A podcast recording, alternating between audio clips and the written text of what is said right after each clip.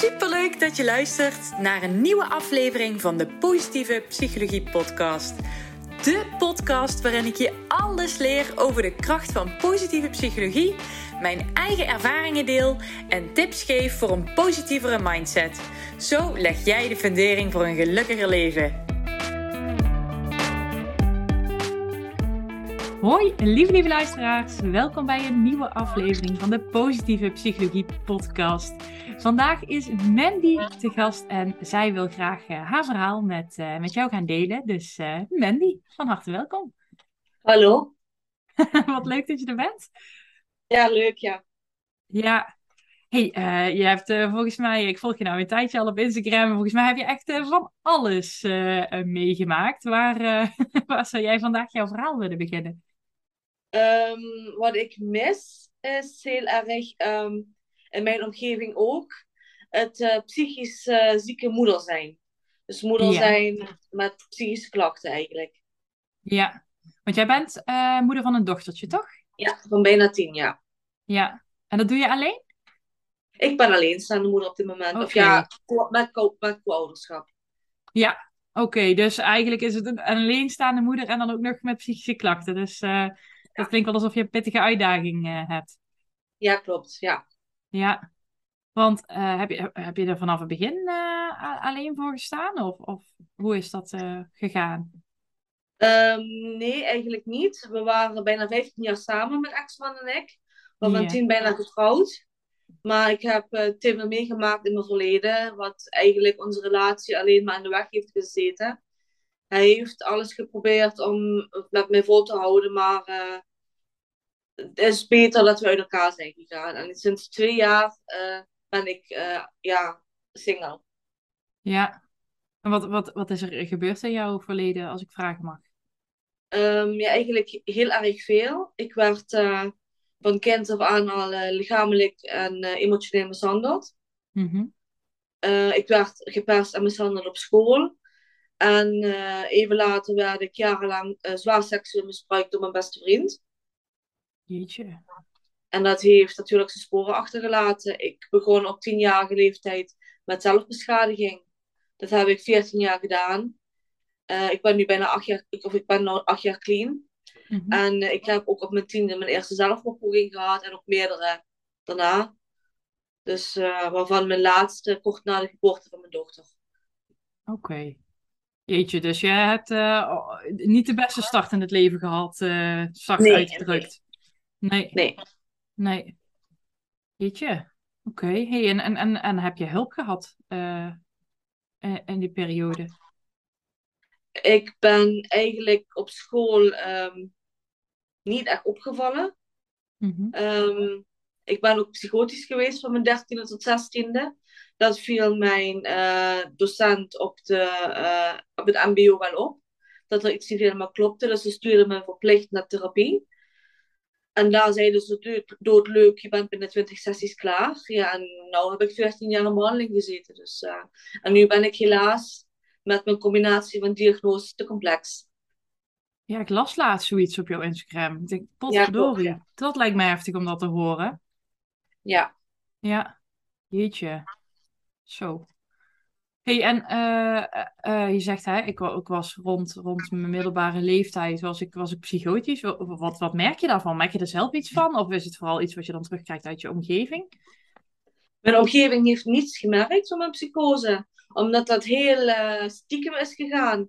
Namelijk, ik dacht eigenlijk altijd dat ik een uit de hand gelopen fantasiewereld heb gehad. Dus mm -hmm. ik heb me heel lang ervoor geschaamd om erover te praten. Maar ik dacht dus dat ik de wereld moest redden. En dat ik uh, alles geheim moest houden. Omdat er anders massapaniek zou ontstaan. Ja. Daardoor is eigenlijk alles achter gesloten deuren gebleven.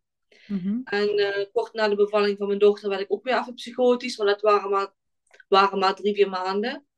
En dat, uh, dat ging na een tijdje, aan de iets van, wat ben je nu aan het doen? En die volgens mij, ik weet het weer niet goed. Mm -hmm. En toen ben ik wel terug naar de psychiater meteen gegaan. Dus... Uh, ja, jeetje, maar dat lijkt me wel heel heftig om dat mee te moeten maken. Dat je echt gewoon bijna je verantwoordelijk voelt voor de hele wereld. Ja. Dat geeft wel druk. Ja, ik weet ook niet hoe ik dat overleefd heb, dus uh, heel eerlijk gezegd.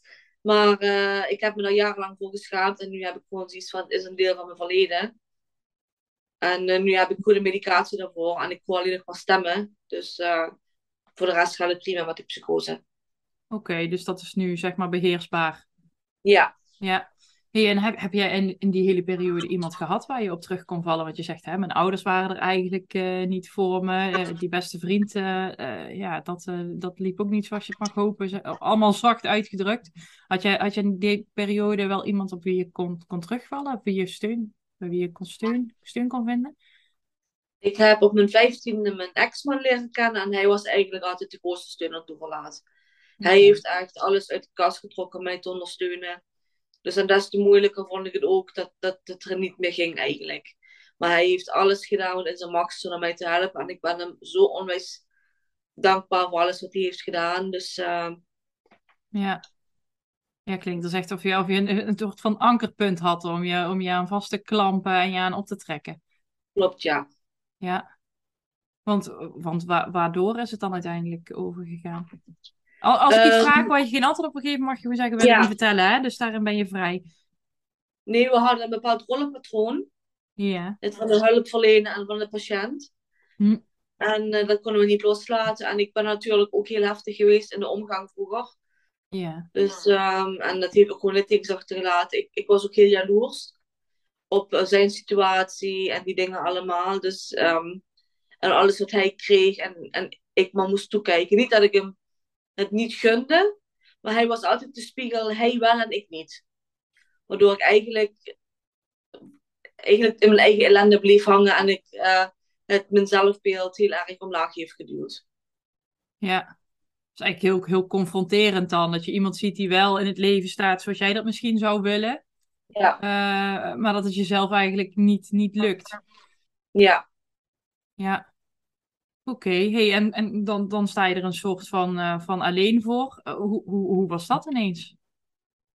Want ik kan ja, me voorstellen dat je je zeker in het verleden echt enorm eenzaam hebt gevoeld. Ja, en, zeker. En dan valt er zo'n belangrijk persoon eigenlijk weg. Ja. Ja. Bij kom, was het moeilijk. Ik, heb, ik was op het moment dat we uit elkaar gingen bezig met de autisme-diagnose. Met Ja. diagnostiek. En toen kwam uiteindelijk de diagnose en toen waren we al uit elkaar, maar we woonden nog samen. Want natuurlijk eh, had ik, ik heb ja, PTSS, CPTSS, wat ik heb meegemaakt. En ik zag heel erg op tegen de zorg voor mijn dochter alleen. Omdat ik eigenlijk door mijn psychische ziektes ehm, de eerste paar jaar niet aanwezig ben geweest als moeder zoals ik het had gewild. Maar ehm, toen eh, ik de woning kreeg en ik ging alleen wonen, hebben we ook met de begeleider uh, besproken dat ze dan de eerste komende tijd niet bij me blijft logeren. Dat ik kan wennen, dat uh, zij kan wennen aan de situatie, ik kan wennen aan de situatie. En uh, dat ik een schema opbouw, dat, dat ik tot rust kom, voordat zij natuurlijk in een nieuwe situatie komt, waar ze natuurlijk ook aan moet wennen. Hmm. Dus dat was eigenlijk een hele langzame, maar zachte overgang, moet ik zeggen. Oké, okay, dus wel aan ook iemand die jou daarin begeleid heeft. Dus dat is wel fijn. Ja. Ja, zeker. Want ze was nog heel jong toen, denk ik, of niet? Zeven. Zeven, oké. Okay, dus dan maakt ja. het wel uh, deels bewust mee natuurlijk. Ja, ja. Ja. Oké, okay. hey, en uh, hoe, hoe zit je nu? Lekker nog steeds in hetzelfde huisje, op je plek? Nog steeds in hetzelfde huisje, helemaal op mijn plek. Ik wil niet meer weg. Ik ben heel eerlijk, de scheiding is het beste wat me heeft kunnen gebeuren eigenlijk zowel mijn ex-man als ik zijn allebei opgebloeid. Dus uh, ik ben nog steeds niet in orde zoals ik het graag zou willen, maar um, ik ben van ver gekomen. Dus uh, dat ja, is, daar ben ik echt dankbaar voor, ja. Ja, maar ook echt wel overwinningen hoor ik, hoor ik je, je delen even tussen neus en lippen door. Van al acht jaar clean, denk ik, nou potverdorie, dat is even knap. En uh, ja. hoe, hoe, uh, ja, hoe je eigenlijk vanaf een soort van afhankelijk van iemand zijn, toch naar op je eigen benen staan. Van ha, zie je wel, kan het wel alleen. Ja. Maar mag, mag je daar ook trots op zijn van jezelf? Het komt langzaam. Ik heb wel begeleiding. Mm -hmm. Ambulante begeleiding. Ik ga naar dagbesteding vier keer per week.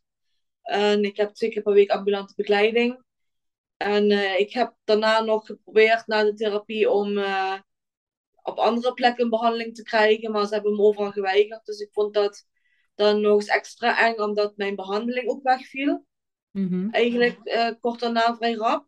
Dus dat was nog eens extra spannend. Maar ik heb wel zo'n begeleidster die zegt van als het niet anders gaat, en het gaat moeilijker, dat we altijd kunnen opschalen met de indicatie. Dan is de, um, begeleid, of de WMO ook van op de hoogte. Mhm. Want ik kom van een best hoge indicatie af.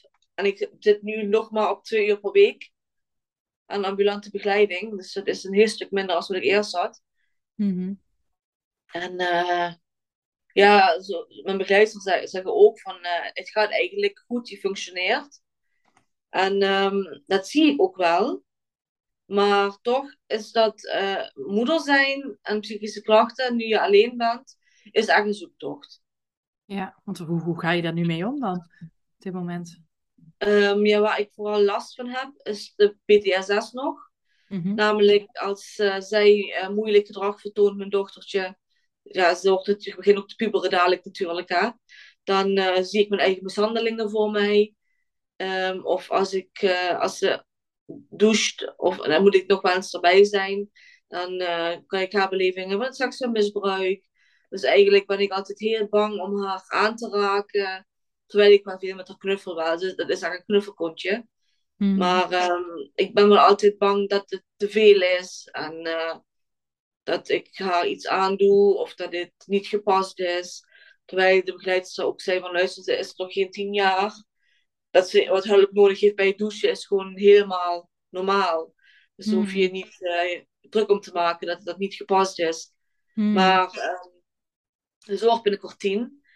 En uh, op tien begonnen we met misbruik, de zelfbeschadiging, de zelfmoordpoging de eerste. Dus dat tiende levensjaar van haar maakt mij heel erg bang. Mm. Heel onzeker. Want ik wil uh, niet dat ze dat moet meemaken wat ik heb meegemaakt. Dat uh, is nog een angst die ik nog niet echt onder controle heb, als ik eerlijk ben.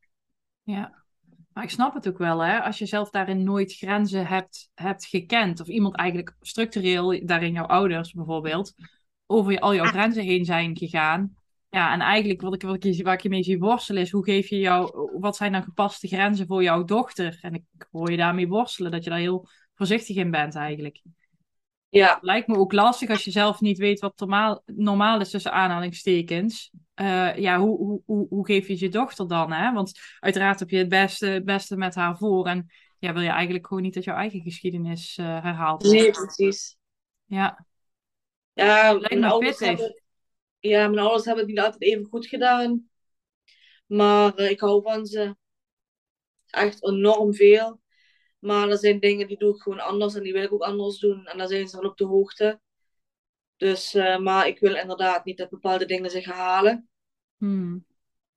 En uh, daar ben ik um, volgens de begeleidster te bewust mee bezig. En um, ja, om daar de balans in te vinden. Mijn moeder zegt ook van ja, man, die maak je niet druk. Ze is nog niet zo ver. En uh, ja, maar je maakt je toch druk. Dus vooral Ja. als je een uh, psychische beperking hebt of een psychische, ja, iets, dan ben je sneller bang voor bepaalde dingen dan, dan andere dingen. Je herkent uh, andere dingen wat sneller. Je bent bang voor andere dingen omdat die een realiteit zijn geweest. Dus het is niet zomaar een angst die um, onrealistisch is omdat je het al hebt meegemaakt. Dat Hmm. maakt het zo moeilijk. Ja, en zeker nou, nou ze die leeftijd heeft, dat, dat, ja, dat is voor jou gewoon ont, ontzettend confronterend. Omdat je Ja. jezelf dan waarschijnlijk ook weer als klein meisje ziet op die leeftijd. Ja, Ja. Oké. Hey, wat, wat bijzonder dat ondanks dat alles wat je hebt meegemaakt, je nog zo'n goede relatie met je ouders hebt. Is, is dat, is, hoe, hoe, hoe heeft dat zich zeg maar, door de loop van de tijd eh, ontwikkeld? ja ik praat niet graag over mijn ouders um, omdat ze veranderd zijn. Mhm. Maar ze zijn natuurlijk ook goed voor me geweest. Want uh, als er wat was, financieel had ik het uh, nooit slecht met mijn ouders. En uh, ze hebben het ook zeker geprobeerd en zo. Maar door mijn autisme heb ik gewoon vaak een andere aanpak nodig gehad die ik had kunnen krijgen. Maar Mhm. die, ja, daar waren ze niet van op de hoogte. Oké. Natuurlijk. Ik heb mijn diagnose pas twee jaar nu. Maar um, ik, ik hou zielsveel van ze. Dus echt. Ja, dat is fijn. En waardevol dat je iemand hebt om Ja. uh, op terug te vallen. Ja. Ja. Nu kan ik echt met ze praten als ik ergens mee zit. Dus uh, ze luisteren allebei. Het is, uh, zo fijn nu het contact. Ja, verschil met dag en nacht als ik het, eh, Ja. als ik het zo hoor. Ja. En met, met je dochter, kun je eh, met haar, eh, haar ook praten op, eh, op niveau over dit soort dingen? Ehm, ja, ze is natuurlijk nog jong. Mhm. Maar ze vraagt natuurlijk op dit moment heel veel. Wat heb je, mama, wat is er allemaal gebeurd? Wat zijn die strepen op je armen? En eh, daar ehm, heb ik met de begeleiding over gehad. En die zeiden ook dat het eigenlijk ehm, nog niet gepast is om met haar erover te praten. Ja, Dat ze nog te jong is. voor is. Ja. Ja. Maar ik zeg natuurlijk, daar heb ik wel eens onder pesten. Ze wordt ook wel eens geplaagd in het, eh, op school en zo. En, eh, dus, daar heb ik, dus daar praat ik dan wel over dat ik ook gepest ben geweest als, als, als kind. Maar niet in die mate dat ik eh, mishandeld werd op school. Dat, dat, dat weet ze natuurlijk niet. Nee. nee, dus dat is inderdaad nog dan... De, de, de leeftijd eh, is het... eh, ja, is te jong. Om Ja. daarmee geconfronteerd te worden. Ja, Ja. oké. Oh, wel fijn dat je zo'n dingen dan even met je begeleider kan eh, bespreken. Dat je weet Ja. wat, wij, wat, wat is wijsheid. Dat is wel fijn als iemand je daarmee eh, kan helpen. Ja. Hey, en ondanks alles wat er gebeurd is, vind ik ook wel dat jij eh, iets onwijs positiefs uitstraalt. Want ik, ik volg je natuurlijk nu al, een, al een tijdje. En eh, als ik iets eh, eh, zie op jouw account wat er uitspreekt, is het toch ook wel een stukje body positivity. En dat vind ik altijd wel heel erg tof eh, om, Ja. om te zien. Hoe, hoe, ja, hoe is dat proces gegaan voor jou? Ehm, ja, ik eh, werd in het verleden gediagnosticeerd met een eetstoornis en een body dysmorphic disorder. Dus ik heb eh, heel veel zelfhaat gehad omtrent mijn lichaam en mijn uiterlijk. Vooral omdat ik ook meer medicatie eh, flink overgewicht heb. Maar ehm, ik ben body ik ben de body positivity movement gaan volgen op internet. Ik ben volle vrouwen gaan volgen. Ik vind ze prachtig. Ik ben, het klinkt stom, ik begon met selfies maken, met foto's in de spiegel. Ik heb eh, mensen van mijn foto's laten maken. Mijn ex-man toen altijd heeft veel foto's van me gemaakt. En toen zag ik eigenlijk dat, dat wat ik mooi vind aan de ander niet veel verschilt met dat, hoe ik eruit zie. Oké, oh wat gaaf, wat mooi. En dat was eigenlijk een proces, dat, dat duurde jaren. Maar nu kan ik oprecht zeggen dat ik mezelf niet meer... ehm, als ik alleen ben, kan ik oprecht zeggen van... Ik walg niet meer van mezelf. Mhm. Maar in contact met anderen denk ik nog altijd... Ja, ik ben dik, dus ik ben minder waard. Maar alleen in contact met anderen. Maar als ik alleen ben en ik heb geen contact met anderen... denk ik eigenlijk niet meer heel negatief over mezelf. Wat knap van je zeg. Dus eigenlijk is het ook wel een stukje, ondanks alles, een stukje zelfliefde gegroeid eigenlijk. Ja, Ja. Wat mooi. Echt, eh, echt knap eh, dat, dat je dat eh, zo voor elkaar hebt gekregen. ja het was een lange weg. Ja, Maar die was het helemaal waard. Dus ik merk nu wel ook bij mijn dochter dat ze zoiets heeft van ja, ik, ik wil niet dik worden. Daar is ze nu al mee bezig. Mhm. Maar ik praat nooit slecht over mijn lichaam als ze bij is. Ik praat nooit slecht over andermans lichaam als ze bij is. Ik complimenteer nooit afvallen waar ze bij is. Dus dat Mhm. doe ik nooit. Mhm. Omdat ik niet wil dat, er, dat, dat de focus gelegd wordt dat dun beter is dan dik zijn. Ja, nou, alle lichamen gewoon oké zijn. Zoals Ja, ze zijn. precies. Ja. Ja. Ja, waar, waar, waar haalt ze dat dan vandaan? Dat ze daarmee bezig is? Is dat van school dan? Of? Ik denk het wel. Ik denk het wel. Hm. Ja, ik weet het ook niet. Oké. Ja. ja. Toch bijzonder, hè? Waar je dan mee bezig bent op zo'n leeftijd. Dan denk je, joh.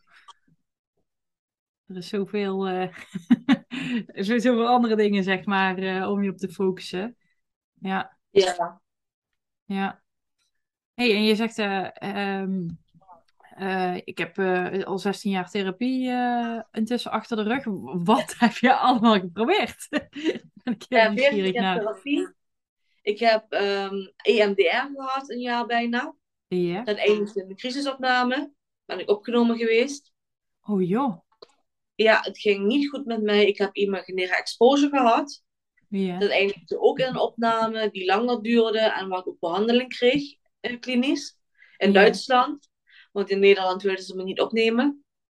Ik zou te afhankelijk worden van de zorg.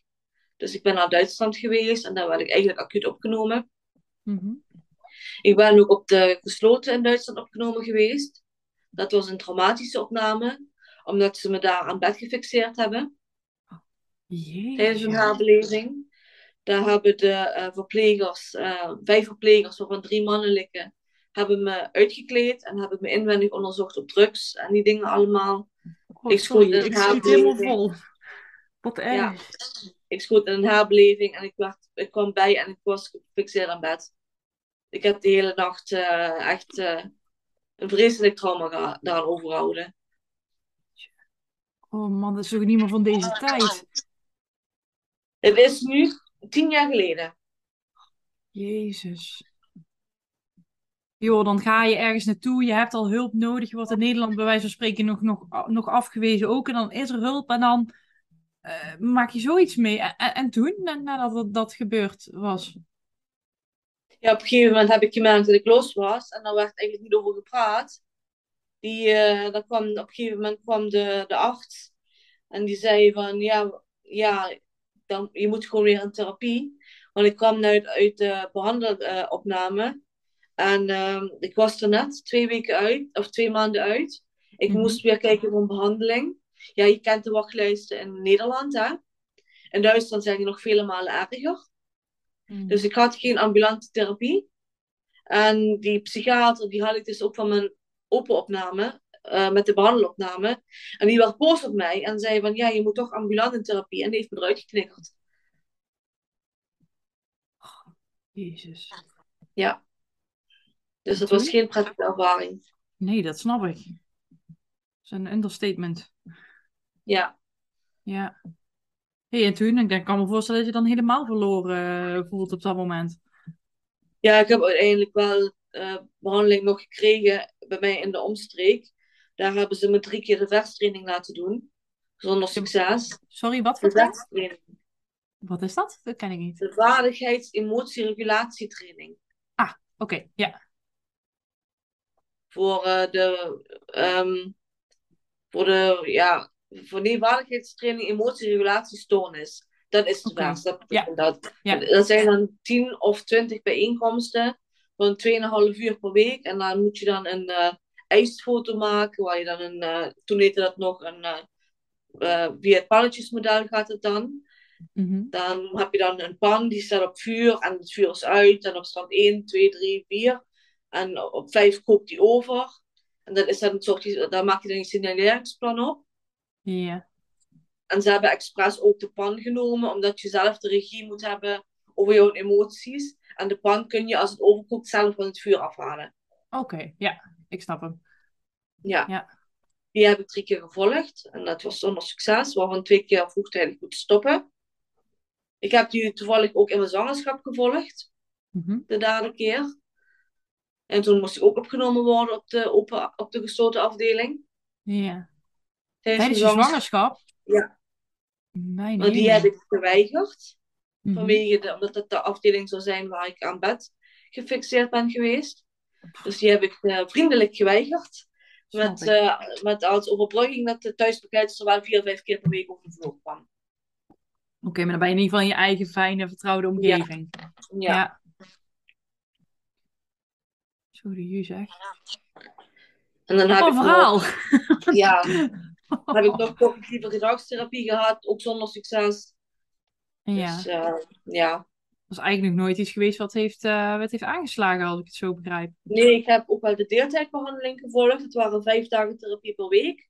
Van Ja. 9 tot 3. Zo, dat is intensief. Dat is intensief. Dat heb ik negen maanden gevolgd. En daar ben ik wel van de zelfbeschadiging afgekomen. Oké. Door mijn autisme was groepstherapie altijd moeilijk. Mhm. Omdat ik altijd ehm, onderging in de groep. Ja. Dus ik wist niet hoe maak ik deel uit in een groep, wanneer kan ik reageren. Ik dissocieerde veel. Dus dat was eigenlijk ehm, te moeilijk voor mij op dat moment nog. Maar Ja. ik heb er wel wat, wat uitgehaald, dat het wat eh, draagbaarder maakt. Ja. Oké. Hey, want eh, hè, hoe- hoe heb je dat aangepakt? Stoppen met zelfbeschadiging? Want dat is ook een vorm van verslaving natuurlijk. Hoe, hoe heb je dat aangepakt? Of wat, wat voor handvaten heb je daarvoor gekregen? Heel, heel eerlijk, ik ben door angst gestopt, omdat ehm, ik ben Duits. Ehm, En ik ben in Duitsland met mijn ex-man en mijn ja, zes maanden oude dochter bij de Kaufland geweest. dat is een hele grote winkel voor, ja, voor hoe heet dat nou, boodschappen. En ik had mijn littekens, die waren roze nog. En ik had een topje aan en er waren vrouwen achter mij in de kassa die begonnen met mij te praten. Heb je haar gezien? Nou moeten ze het kind afpakken, die is gevaarlijk. Oh. Ze had nooit een kind mogen krijgen, ze moet zich schamen.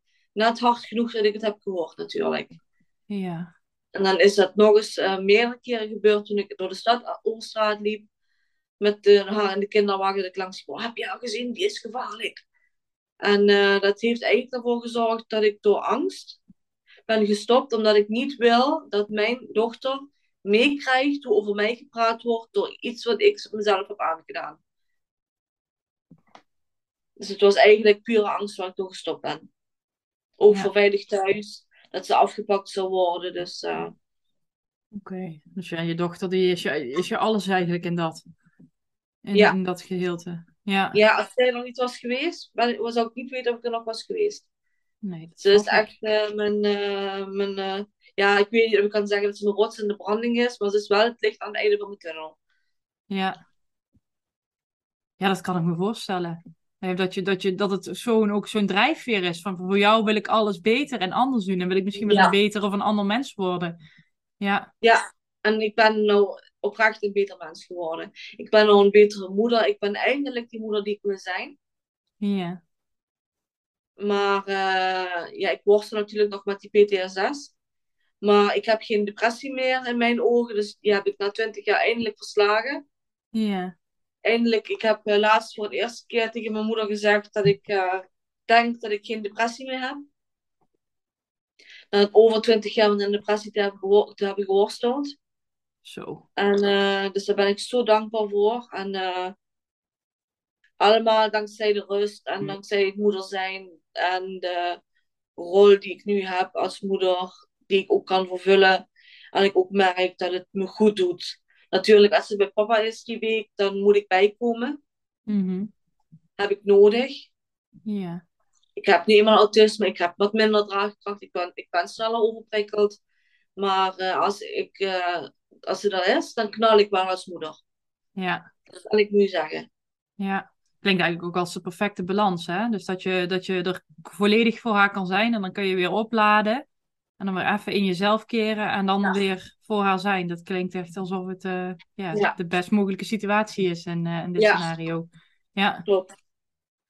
Oké. Zo, jeetje, wat, uh, wat een verhaal zeg. Wat verdorie. En en, wat, wat, wat zou je nou tegen, tegen andere alleenstaande moeders met psychische klachten uh, willen zeggen die op dit moment aan het luisteren zijn? Um, dat ze niet bang moeten zijn om hulp te vragen. Het is niet erg als je hulp nodig hebt van een professional, omdat je tegen dingen aanloopt. Het heeft heel lang geduurd voordat ik uh, durfde toe te laten dat ik hulp nodig heb als moeder. En nu, dankzij de begeleiding, doe ik het gewoon zoals het hoort.